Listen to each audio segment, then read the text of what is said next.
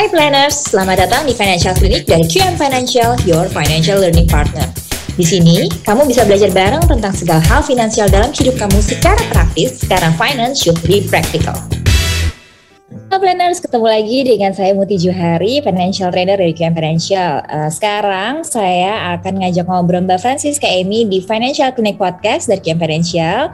Dan topik yang akan kita bahas hari ini adalah soal liburan tenang, keluarga senang, dan rekening aman. Bisa nggak sih tercapai tiga-tiganya? Hai Mbak Amy, apa kabar? Hai Muti, baik-baik. Kamu nggak ke Jakarta? Kita mau dinner loh.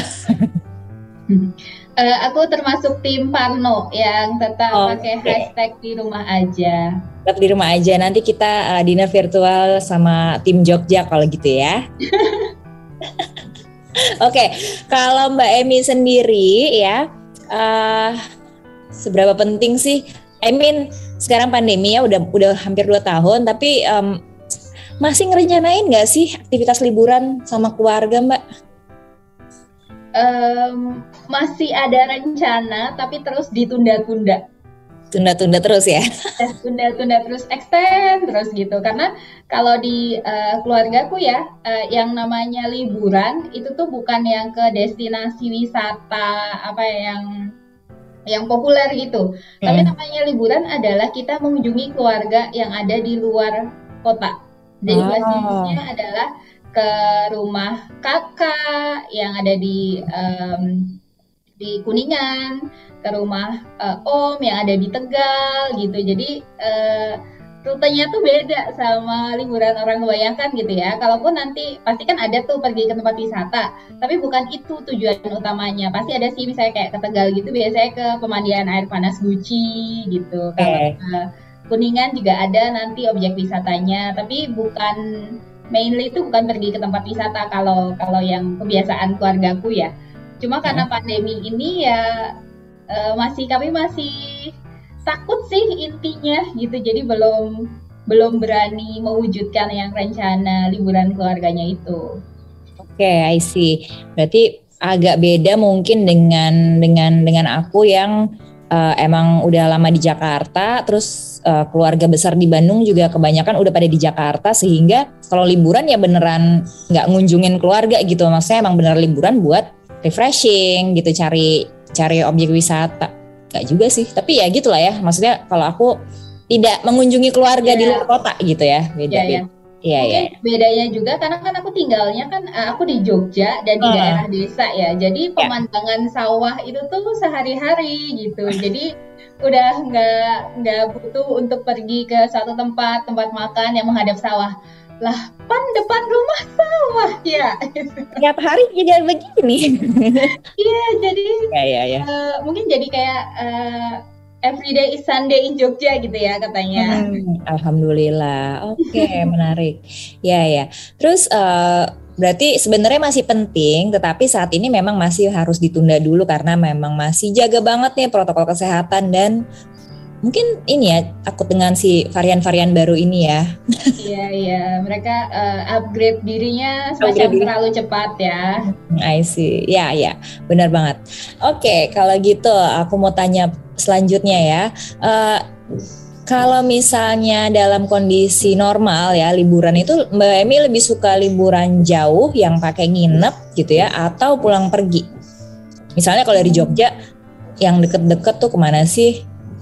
Semarang tuh masih bisa nggak sih pulang pergi masih bisa lah ya dua jam dua jam doang kan ya nggak sih? Jauh masih sih. Solo ya. masih Solo. bisa. Mm -mm. Iya. Gimana kalau kamu lebih suka nginep nginep yang serius gitu? Ah, nginep aja deh gitu dua tiga hari over the weekend gitu misalnya atau ya kalau misalnya bisa day trip aja gitu gimana? Yang biasanya kejadian tuh yang lebih ke lebih ke yang pendek-pendek sih. Jadi bahkan staycation hmm. gitu ya. Uh, staycationnya juga yang biasanya kayak lagi ada event apa kawinan gitu. Kawinan ya udahlah sekalian sekalian staycation gitu atau yang um, kayak ada ada teman di Solo itu yang yang aku sering sih uh, kalau nggak for the weekend ya PP biasanya tapi udah lama uh, nggak yang liburan panjang keluar kota gitu udah udah udah lama bahkan sebelum sebelum pandemi mungkin karena waktu itu kan punya bayi ya jadi kayak aduh rempong deh bawa bayi ke mana-mana gitu sekarang anaknya udah gede eh pandemi Sekarang udah berapa tahun anaknya? Uh, enam. Mau oh, enam udah, enam udah bisa ya dilepas sendiri sebenarnya juga ya. Oke, okay. jadi lebih suka sebenarnya yang uh, sekalian ada acara berarti. Iya, benar-benar. Jadi uh, jarang yang memang merencanakan liburan dengan khusus tanpa ada agenda tuh jarang. Biasanya sekalian deh gitu. Hmm, ya, sama sih kalau aku juga kayak liburan ke luar negeri tuh uh, kapan mau sukanya gitu. Kalau ada konser yang dikejar dan kalau ada dapat tiket ya gitu. Jadi maksudnya uh, sekalian kayak kalau ke Singapura tuh ya maksudnya uh, jarang banget pergi ke luar negeri kalau misalnya memang nggak ada konser gitu supaya sekalian. Apakah supaya... kamu akan ke Seoul? Ya oh sama kamu akan aku. ke Seoul di Maret 2002 aku kan bukan ini bukan geng K-pop. Aku bukan geng BTS dan segala macam ya. Jadi bodo amat. Belum belum ada alasan yang kuat untuk mengajak gue ke Korea atau ke Jepang atau ke mana-mana karena um, siapa ya? Siapa ada siapa di sana gitu. Jadi belum gitu. Okay. tapi ada ada topoki ada topoki oh. sama ramen Hmm, ya sih. Kalau tapi I mean like Japanese and Korean aku suka sekali makanannya, tapi untuk uh, siapa namanya artis-artis gitu-gitunya kurang, gitu agak kurang. Oke. okay. okay. uh, eh, berarti uh, aku pengen nanya sekarang faktor faktor-faktor penting apa aja ya yang biasanya dijadikan pertimbangan buat tentuin destinasi dan waktu liburan ya? I mean selain tadi emang ada undangan kawinan atau kalau aku ada konser, kira-kira apa lagi nih? Misalnya emang pengen ya ke Iceland, tapi apakah cuma Aurelia Aurelia Borealis gitu? Atau yang apa? mau dilihat ya? Uh, gitu. Apalagi sih? Uh, kalau kalau sekarang mungkin lebih ke aku nurutin anak ya karena karena tadi pas dia masih bayi terlalu rempong untuk dibawa-bawa pas sudah uh, gede gitu eh pandemi nggak bisa ke mana-mana gitu jadi uh, sekarang tuh anakku uh, jadi kayak destinasi wisata yang kami rencanakan yang entah entah kapan berangkatnya gitu ya tergantung dia dia lagi sukanya uh, apa gitu. Kalau sekarang pengennya pergi ke Malaysia karena mau nonton boy boy gitu ya Oh, I see. Okay. Terus dia terpapar uh, Squid Game dari YouTube, jadi dia mau ke Korea. Terus yang kayak lihat uh, apa namanya lihat iklan Disneyland, pengen ke Disneyland gitu. Jadi hmm. kayak nurutin anak. Uh, kalau kalau dia aku lebih ke nurutin anak. Cuma memang um, sekarang belum bisa ngeplot sesuai konsep tujuan finansial yang di QM ya. Kalau di QM kan kita bikinnya ada judulnya yang spesifik, kemudian abis itu kapan uh, mau berangkatnya dan biayanya berapa. Nah ini dengan adanya pandemi dan karena aku ikutin anak dan anaknya pasti seleranya kan berubah-ubah ya jangan besok dia udah hmm. udah beda lagi ceritanya gitu. Jadi um, karena faktor-faktor itu jatuhnya adalah ya udahlah yang penting ngumpulin duitnya aja ntar pada saat sudah mendekati atau dia juga belum punya paspor juga gitu kan ya hmm. jadi eh, nggak uh, bisa uh, apalagi sekarang mekanisme apa namanya um, yang kalau kita habis pergi keluar terus harus stay karantina karantina nah hmm. uh, kebijakan karantinanya kan masih kayak ganti-ganti yang tadinya tiga hari jadi lima hari jadi sepuluh hari yang kayak yeah. itu kan mempengaruhi sekali dalam perhitungan budget ya harus hmm. stay di hotel tiga hari sama sepuluh hari tentu beda banget gitu jadi kayaknya yeah. kok hmm gitu ya kayak hmm. tar dulu tar dulu gitu ya betul betul berarti uh, selama uh, masih uncertain ya kira-kira kapan bisa jalannya keinginan anaknya juga mungkin masih bisa berubah-ubah tapi yang pasti adalah kegiatan nyiapin duit uh, dana liburannya jangan terputus gitu ya. Artinya yeah, kalau misalnya nanti tiba-tiba 2022 aman nih gitu ya boleh ada uh, border dibuka silakan masuk ke Jepang silakan masuk ke Korea silakan masuk ke Australia udah udah ada lah 20 30 juta mah ya nggak Amin, amin. Amin. Jadi cuma tinggal nyiapin visa sama paspornya buat anak gitu ya. Iya, iya. Iya, iya, iya. Jadi uh, itu kalau misalnya memang tujuannya belum jelas, tetapi uh, perkiraan dananya setidaknya kita udah bisa uh, hitung-hitung sendiri lah ya, hitung-hitung iya. sendiri. Ya, tentu saja dengan, ada rentangnya. Uh, dengan worksheet juga yang bisa diisi sendiri ya kalau misalnya ikutan kelas FCOS menghitung kebutuhan investasi. Oke, cie. selalu ada celah untuk adlibs ya. iya dong. nah, terus ya, kalau misalnya uh, liburan kayak gitu ya, biasanya kamu nyiapin pos-pos uh, apa aja mbak?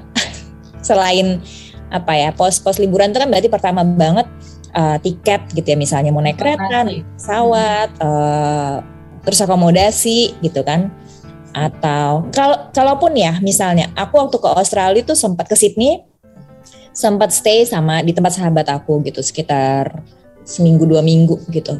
Tapi kan tetap belanja sendiri ya kan? Terus kayak traktir mereka gantian gitu kan berarti kan kayak ada ya ada timbal balik gitu kan ya. Numpang secara akomodasi gratis tapi kan ada expense yang lain gitu yang perlu aku keluarin. Nah kira-kira pos-pos apa aja sih yang perlu disiapin kalau misalnya lagi liburan gitu Oke, berarti tadi yang paling gede yang pertama itu transportasi ya tiket, ya, uh, tiket. PP.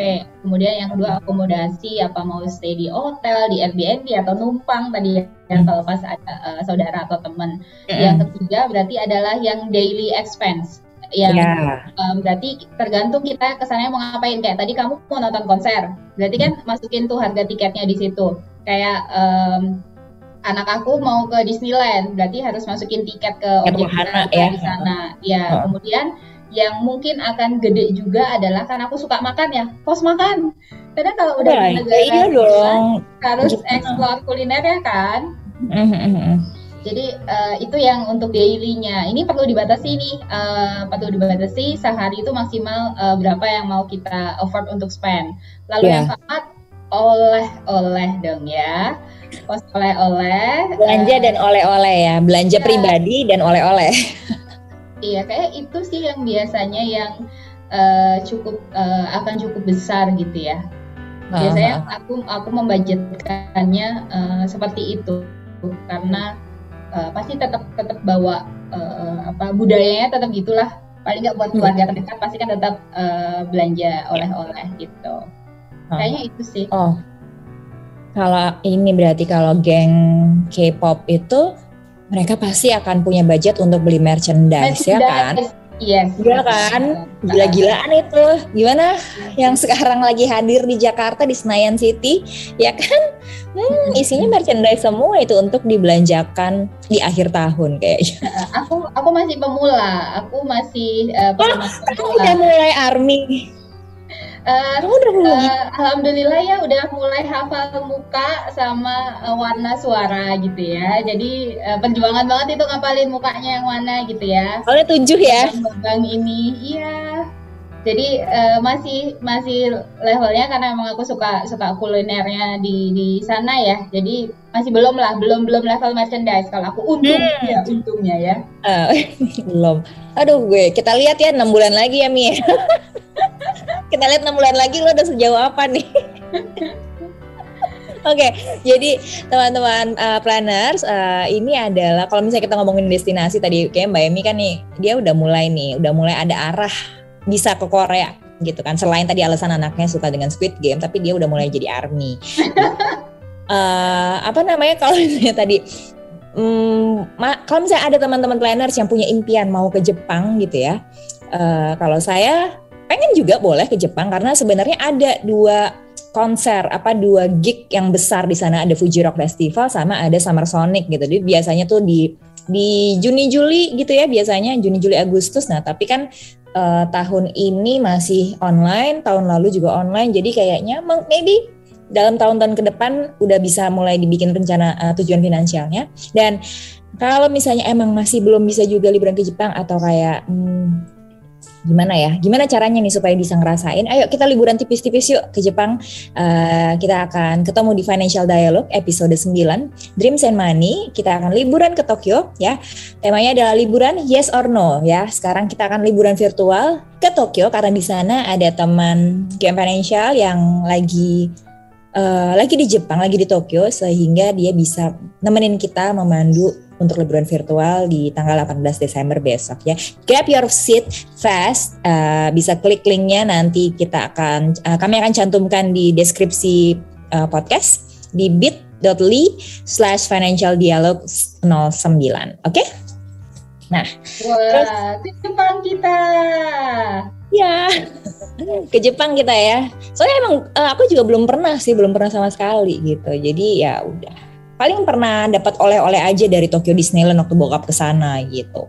Oh berarti cocok tuh kan anakku mau ke Disneyland jadi aku bisa menjadikan Jepang sebagai destinasi dan suka juga sama makanannya kan? Iya, ya like everybody loves Japanese food nggak sih? Iya, iya. ya kan. Uh -uh. Oke, okay, terus sekarang uh, tadi ngomongin budget ya. Uh, tadi kan udah pos-pos pengeluarannya apa aja gitu. Nah, terus uh, gimana kalau misalnya udah tahu nih tiketnya sekitar 15 juta pulang pergi buat buat sama pasangan misal. Kurang ya bu ya? Kurang nggak sih? Terlalu sedikit ya? Oke okay. misalnya tiketnya seasonnya. Tergantung Apa? lagi high season atau low season ya, kan betul dan tergantung promo uh, dari airlinesnya juga kan ya. Jadi uh, gimana nyiapin budget khusus supaya tiket itu bisa kebeli, tiket wahananya nanti juga bisa kebeli, daily allowance yang kita buat makan sehari-hari juga terjamin sampai pulang dan tetap bisa belanja. Gimana Mbak Emi? Ngumpulin ya, berarti harus uh, ngumpulin. Jadi um, kalau yang pernah kejadian sama aku nih, uh, Mbak Mut, hmm? uh, pas masih um, apa namanya, pas masih kerja uh, kantoran gitu ya, Hmm, aku tuh dulu udah menyiapkan yang yang diajarin sama QM nih, the magical shopping account gitu. Jadi aku punya rekening sendiri uh, yang huh? buat belanja itu yang aku uh, isi setiap bulan. Katakanlah uh, lima ratus ribu gitu ya setiap bulan ya. Jadi setiap habis gajian aku akan langsung transfer lima ratus ribu ke rekening ini. Terus ada suatu masa di mana Uh, karena waktu itu aku uh, lagi di bagian marketing sering uh, promo keluar kota gitu. Dan kalau uh, kalau keluar kota atau keluar pulau gitu kan semuanya di cover sama kantor. Jadi aku gak keluar duit sama sekali kan. Sedangkan hmm. si tabungan si magical shopping account ini terus berisi setiap bulan. Terus ada di suatu titik yang kayak udah yang kok capek banget ya? gitu ya. Capek banget nih kerja. Ayolah uh, mau liburan lah gitu kan ya. Um, Kemudian kan ada ada cuti cuti pengganti juga karena aku biasanya kerjanya uh, over the weekend kan. Jadi ada ada ada hari cuti yang bisa diambil nih gitu. Terus Weekdays aku ya? dadakan ya. ya dadakan pergi ke Bali ke Ubud Writers and Readers Festival di Oktober 2017 kalau aku nggak salah gitu dan itu tuh uh, aku berangkatnya hari Kamis uh, beli tiketnya hari Minggu jadi baru pesan tiket baru pesan Airbnb gitu. ya hari kemudian udah pergi gitu ya ya uh, matahari kemudian aku udah udah mendarat di Bali gitu deh sampai ke Ubud. Dan itu aku bisa karena ada rekening sejumlah rekening yang tadi. iya hmm. karena nggak nggak nggak aku spend. Walaupun waktu itu nggak spesifik untuk dana liburan ya. Harusnya kan yeah. buat shopping buat belanja.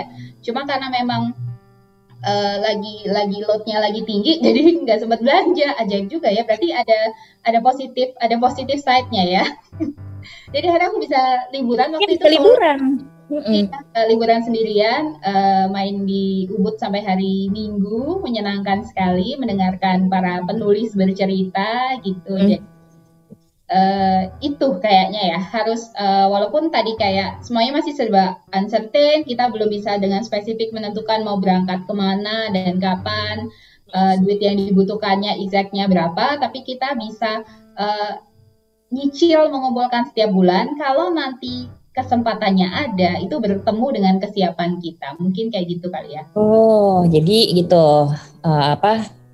Karena ada dana yang sudah standby nih tiap bulan disetorin terus ke situ. Meskipun judulnya adalah magical shopping account tapi ternyata karena ya Allah kok gue juga nggak sempet belanja ya? Eh jadinya, jadinya boleh dong ya kan? Tujuannya diganti karena bisa nih gue liburan nih kan lagi ruwet banget nih ya nggak sih? Iya benar-benar burn out ya kalau nah, anak sekarang bilangnya burn out.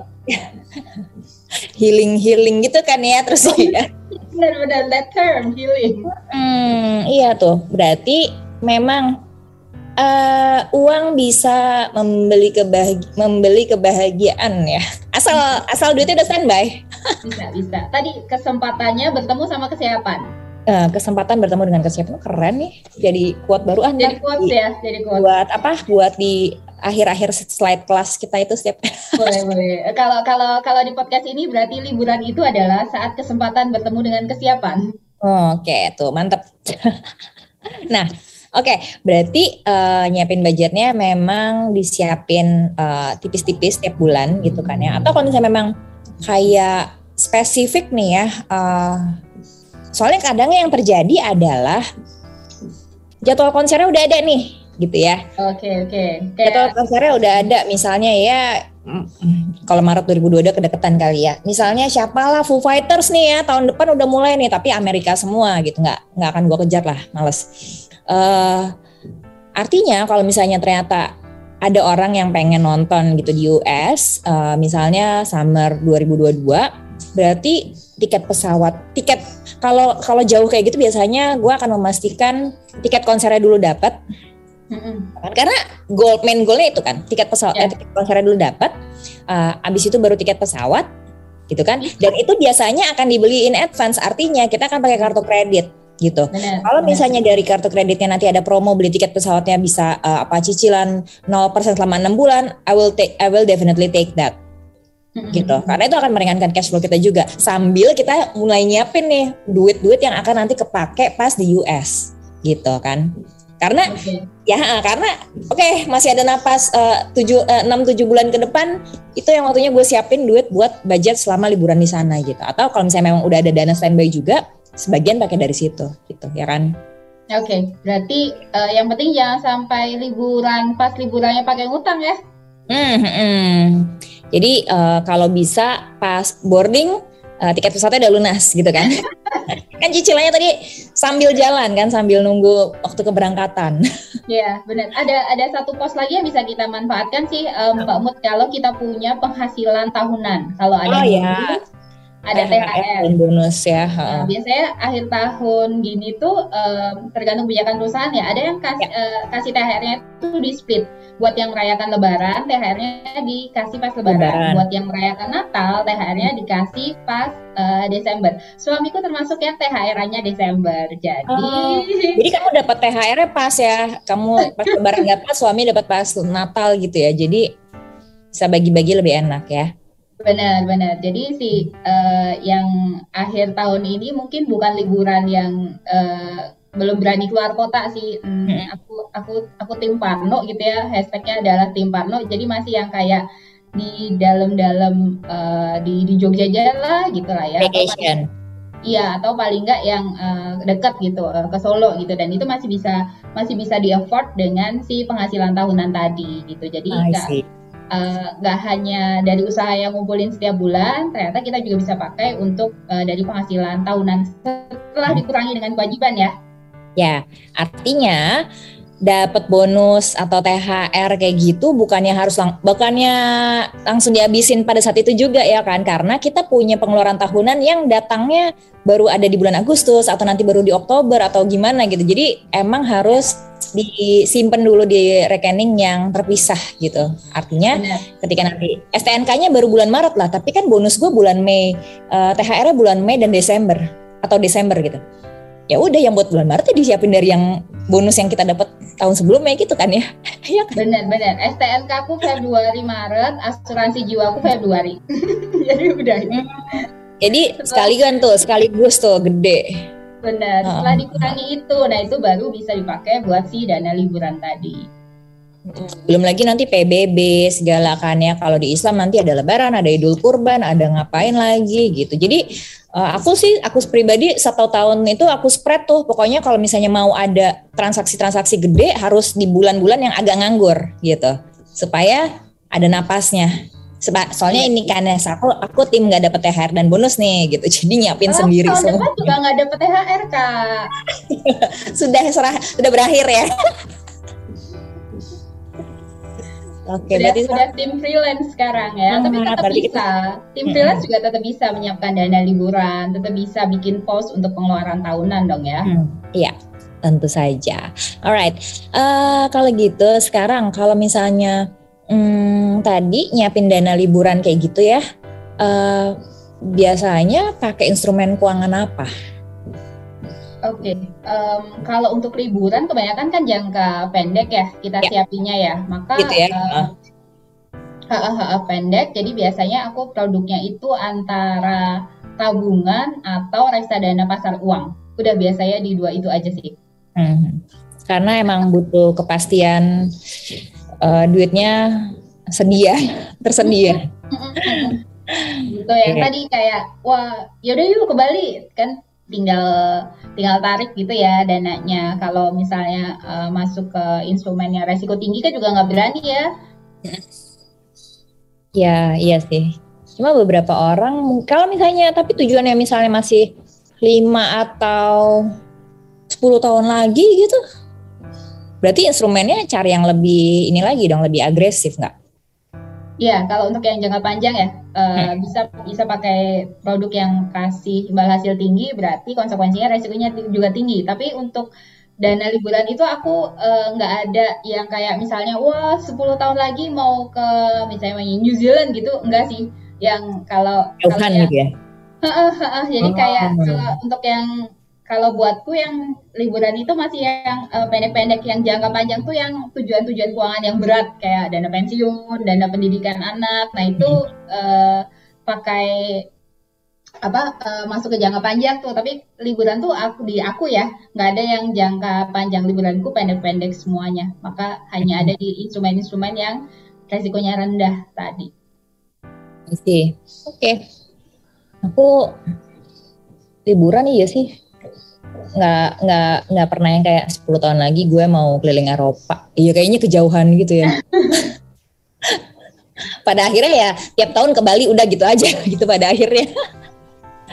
lebih balik pengen lagi, rutin lagi ya. Uh, lebih pengen rutinin yang itu aja deh daripada mungkin dari, daripada bikin goal yang lebih gede tapi hmm, setengah-setengah mikirinnya gitu ya mungkin. Okay. that's just mungkin, mungkin karena tadi uh, kalau mau Muti kan liburannya based on konser ya. Konser kan juga paling setahun lah ya. Ya. Iya. Dan ya kan hmm, kadang-kadang juga iya sih mereka uh, kayak Coldplay. Coldplay kan di mana-mana ya ada di Eropa di mana-mana ya udah gue ke Australia aja deh gitu. Jadi nggak nggak ngoyo juga pengen ngerasain ke mana gitu ya. Gitulah Nggak ngoyo mau ke LA ya? uh, uh, belum lah, belum belum belum segitunya gitu. Oke. Okay. Uh, eh, terus kalau selanjutnya nih kalau gitu ya. Uh, do's and don'ts. Do's and don'ts kalau misalnya liburan sama keluarga. Apa aja tuh Mbak kira-kira? Hmm, dari sisi finansial ya. Uh, ya dari sisi finansial, dari sisi kekompakan juga gitu kan biar nggak selek-selek di sana. um, kalau dari sisi kekompakan tadi berarti ngelihat karakter masing-masing anggota keluarga ya sukanya hmm. apa gitu. Jadi uh, kalau kalau kayak aku sukanya makan anakku sukanya main jadi prioritasnya dia berarti adalah yang kayak wahana tempat wisata gitu yang prioritasku adalah kuliner. Kalau suamiku prioritasnya adalah suasana. Dia maunya suasana yang enak suasana yang nyaman yang uh, cozy gitu ya. Jadi nggak terlalu butuh yang permainan nggak terlalu butuh makanan enak gitu. Jadi uh, berarti harus ada yang kayak kalau misalnya tempat nginepnya nyari yang nyaman, nanti tempat makannya nyari yang enak sesuai seleraku dan memasukkan uh, main ke wahana seperti yang uh, dimaui anakku gitu. Dan itu bisa bisa dikembang ya, cari tempat makan yang ada tempat mainnya biasanya ya. jadi kayak uh, gitu. dan tempatnya uh, enak gitu ya nyaman. Yang kayak ini ya di pinggir sungai yang di aman jiwa apa itulah ya gitu. uh, terus kalau dari sisi benar dari sisi budget tuh yang penting jangan uh, over sih. Atau kalau, kalau tadi kan kita punya punya banyak pos tuh yang hmm. dipegang angka gedeannya. Jadi budgetnya mau berapa nih? Katakanlah budgetnya mau uh, yang liburan ada deket gitu ya katakanlah budgetnya adalah 5 juta. Itu hmm. di split ke transport akomodasi daily allowance tadi sama oleh-oleh sama belanja. Uh, yang penting nggak uh, nggak over dari 5 juta aja deh. Kalau misalnya oh makanku aku mau makan ke tempat yang enak nih gitu ya. Misalnya kalau di Ubud tuh kan ada tuh resto resto dessert. Aku kalau ke Ubud lagi aku pengen ke sana tuh gitu. Itu kan mahal kan gitu. Berarti itu uh, apa? Yang lokavor itu bukan? Uh, ada ada satu lagi tapi aku lupa namanya. Ada di, di dekat venue-nya URF waktu itu di dekat oh. Airbnb ku. Uh, nah terus Uh, berarti kalau udah satu kali makan malam di tempat yang mahal, ya sarapannya jangan yang uh, gede juga biayanya ya kayak gitu.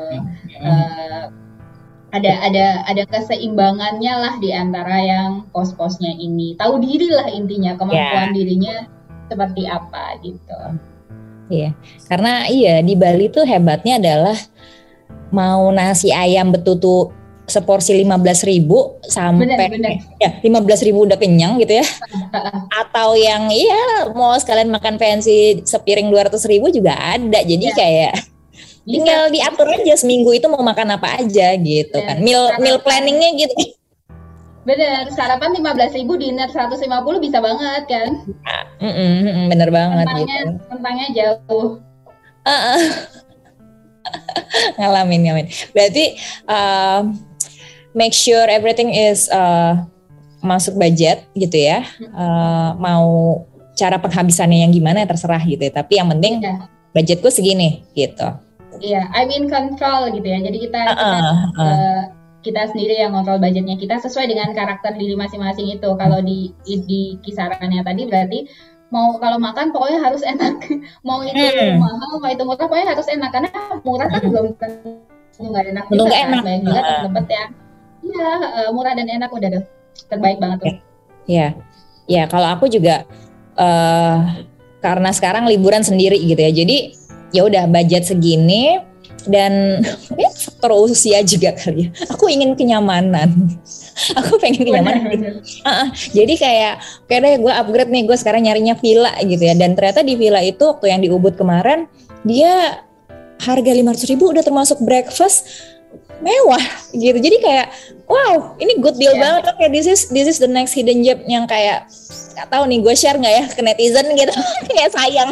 Nanti ya nanti aku jawab aja. Ya ya gitu. Tapi kayak gila ini sih enak banget gitu. Bahkan yeah. waktu itu gue sampai extend juga di sana karena masih betah Iya dan dan memasukkan jadwal pijet sih di dalam liburan ya karena ah, capek. Oh, hmm, ya ya ya ya. Di hari biasa di hari terakhir biasanya aku memasukkan biasanya jadwal masih. untuk uh, refleks uh, pijat refleksi kayak gitu lah. Hmm, hmm, hmm, hmm. Oh, kalau misalnya kamu kembali lagi, aku ada kontak uh, four hands massage. Jadi kamu bisa dipijat oleh dua ibu-ibu ya. dia ada di atas, dia ada di bawah. Jadi nanti mereka akan synchronize nih. Itu itu udah raise the bar buat massage buat gue. Kayak wah ini sih udah enak banget ya kayak bersih. Eh sorry. Kayak pijet yang biasa gue di Jakarta tuh wah kalau bisa mereka dua orang juga enak. Jadinya naik level. Bahaya emang. Ekspektasinya naik ya? Uh, susah turunin nih kalau gini caranya. Karena waktu itu enak banget bener. Aku juga direkomendasi sama orang di Airbnb-nya waktu itu soalnya gitu. Oke. Okay. Yeah. Uh, berarti um, kalau ngomongin tadi ya liburan, I mean 2022 mudah-mudahan uh, keadaan juga bisa lebih baik, lebih aman dan kondusif buat kita semuanya beraktivitas, kerja Amin. dan juga buat liburan. Sehingga uh, mungkin udah saatnya nih teman-teman planners uh, cek-cek lagi nih pundi-pundi untuk dana liburan. Mau tujuannya ke mana? Cari aja mungkin yang deket-deket dulu. Apakah itu domestik atau ya udah pengen sekalian keluar negeri ya silahkan. Tapi ya intinya adalah dipersiapkan gitu ya. Jadi uh, karena kita tahu kita butuh liburan setelah dua tahun ini, uh, and then prepare the budget ya, tentukan dulu juga tujuannya. Uh, ya seperti biasa tujuan lo apa? Ada judulnya, ada jangka waktunya dan ada target nilainya. Sehingga kalau misalnya pengen ke Korea nonton konser, ya dihitung-hitung gitu dihitung-hitung.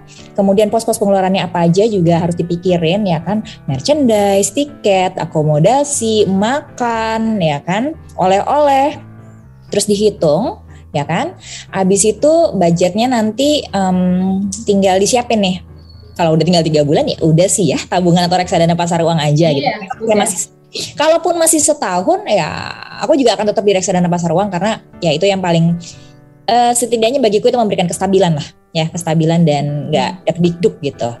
Uh, habis itu uh, pastiin ada apa ya kita set ini ya ground rules selama liburan gitu nanti supaya apakah kita liburan sama teman itu teman liburan kita juga sama-sama enak dan nyaman gitu. Jadi sama sama-sama seneng ya nggak sih? Yes, iya, gitu yes. ya. Jadi itu tadi recap dari topik-topik yang udah kita bahas dan yang sudah kami bahas dan sekali lagi kalau kamu ngedengerin podcast uh, episode ini sebelum tanggal 18 Desember artinya kamu masih bisa ikutan uh, Financial Dialogue volume 9 di uh, dengan judul liburan yes or no mari kita liburan virtual ke Tokyo ya Sabtu 18 Desember jam 12.30 sampai 14.30 waktu Indonesia Barat dan silakan ketik uh, di browsernya untuk mendaftar di bit.ly slash financial dialog 09 dan silakan daftar di sana. Oke? Okay? Oke, okay, planners, uh, terima kasih sudah mendengarkan episode podcast yang hari ini, yang kali ini bersama Mbak Francisca Emi. Follow juga Instagram kami di QM Financial dan nantikan Financial Clinic Podcast selanjutnya. Bye, terima kasih Mbak Emi. Ya, selamat liburan.